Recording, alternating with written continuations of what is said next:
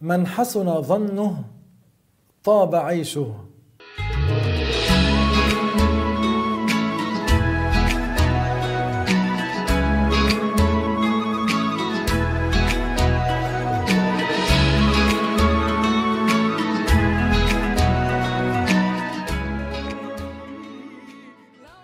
الحمد لله وصلى الله وسلم على نبينا محمد رسول الله أما بعد فقد قال رسول الله صلى الله عليه وسلم إياكم والظن فإن الظن أكذب الحديث. ولا تحسسوا ولا تجسسوا ولا تنافسوا ولا تحاسدوا ولا تباغضوا ولا تدابروا وكونوا عباد الله إخوانا كلمات راقية معان عظيمة من كلام رسول الله صلى الله عليه وسلم. لا تحاسدوا ما هو الحسد؟ أن تتمنى في قلبك أن تزول النعمة عن أخيك المسلم لتتحول إليك وتسعى وأن تعمل بمقتضى ذلك. هذا هو الحسد وهو حرام من محرمات القلب. فلذلك من صفات المؤمن الكامل أن يحب الواحد منا لأخيه ما يحبه لنفسه. هذا من صفات المؤمن الكامل. وهذا قليل. ليس فقط في أمر الدنيا في أمر الدين بل في أمر الدنيا أيضا. من صفات المؤمن الكامل أن يحب لأخيه ما يحبه لنفسه في أمر الدين وفي أمر الدنيا. فالرسول عليه الصلاة والسلام قال لا تحاسدوا ولا تدابروا. ما معنى ولا تدا ولا تدابروا؟ معناه نهي عن مثل ما يحصل من بعض الناس عندما يدخل إلى مجلس يليه ظهره ليظهر أنه يقاطعه. يعني أن يعرض عن, هذا المسلم أن يعرض عن المسلم ويهجره وأن يجعله كالشيء الذي وراء الظهر والدبر.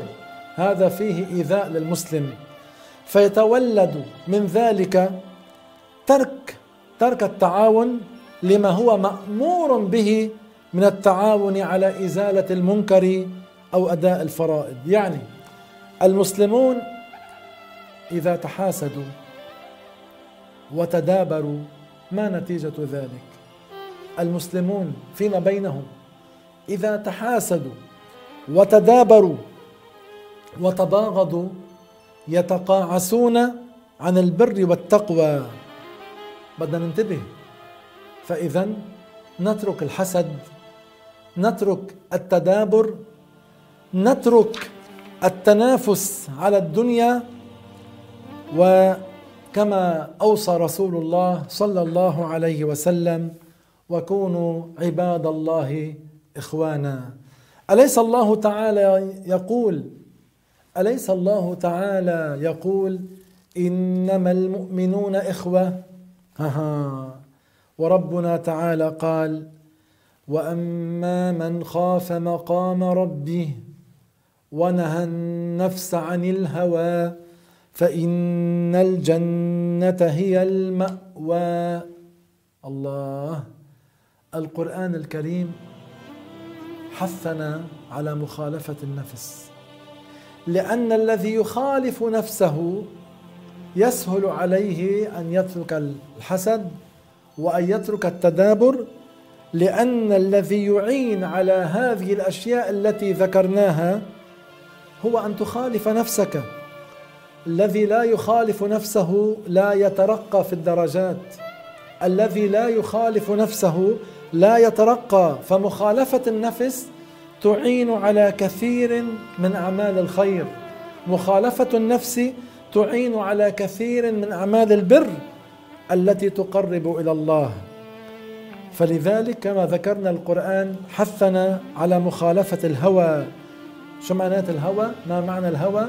الهوى ما تميل إليه النفس النفس مجبولة على حب أشياء النفس مجبولة على حب أشياء حب الشهوات والأكل والشرب وغير ذلك وعلى حب التعالي على الناس.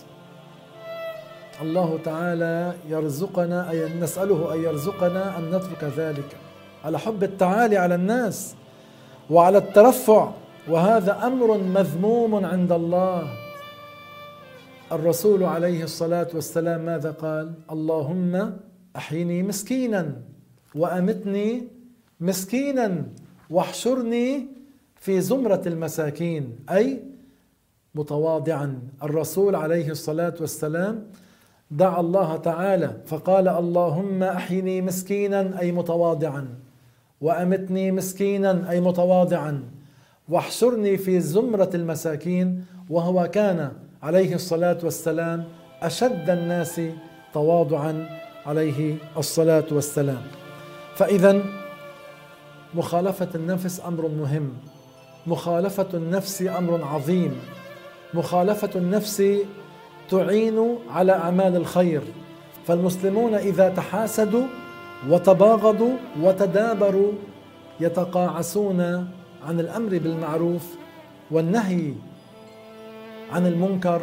وربنا تعالى قال كنتم خير أمة أخرجت للناس تأمرون بالمعروف وتنهون عن المنكر وتؤمنون بالله.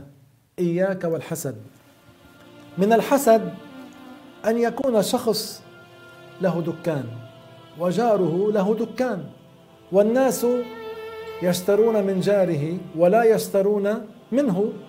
فيقول الناس تعال تعال لا تشتري منه لأن قلبه أكله الحسد. حتى لا يزيد ماله. يقول للناس تعال لا تشتري منه. لأن في قلبه الحسد. فلذلك الحذر من أمراض القلب الحذر من الحسد الحذر من الحقد والحقد هو أن تضمر العداوة لأخيك المسلم وتعمل بمقتضى ذلك أن توصل إليه الشر. هذا الحقد وهذا أيضا من معاصي القلب. هذه الأمراض إذا انتشرت يحصل ضرر كبير. فتعالوا إلى إصلاح النفس. تعالوا إلى ترك هذه الصفات الذميمة.